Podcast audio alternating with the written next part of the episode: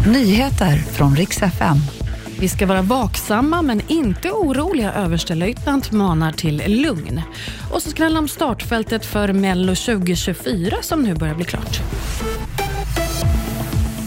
Vi ska börja i Skärholmens centrum i södra Stockholm som fick evakueras idag på eftermiddagen efter att ett föremål kastats in i en butik. Polisen larmades vid halv fyra och de har gjort bedömningen att det kan vara ett farligt föremål så nu är gallerian evakuerad och polis har kallats till plats för att inleda en stor utredning. Många blev oroliga igår efter att både statsminister, ÖB och andra toppolitiker och försvarstoppar uppmanade svenskar att förbereda sig på krig.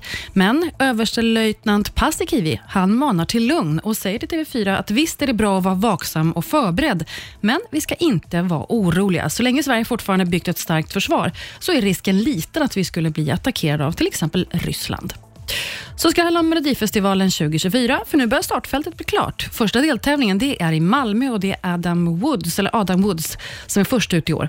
Mellopremiär hade han förra året tillsammans med Jon Henrik Fjällgren, men i år är han själv. Och Han kommer få sällskap bland annat av Smash Into Pieces i sitt startfält. Andra deltävlingen går i Göteborg. Där är det Maria Sor som inleder och får sällskap av bland annat Fröken Snusk. Totalt är det alltså fem deltävlingar. Snart rullar det igång. Startskottet är den 4 februari.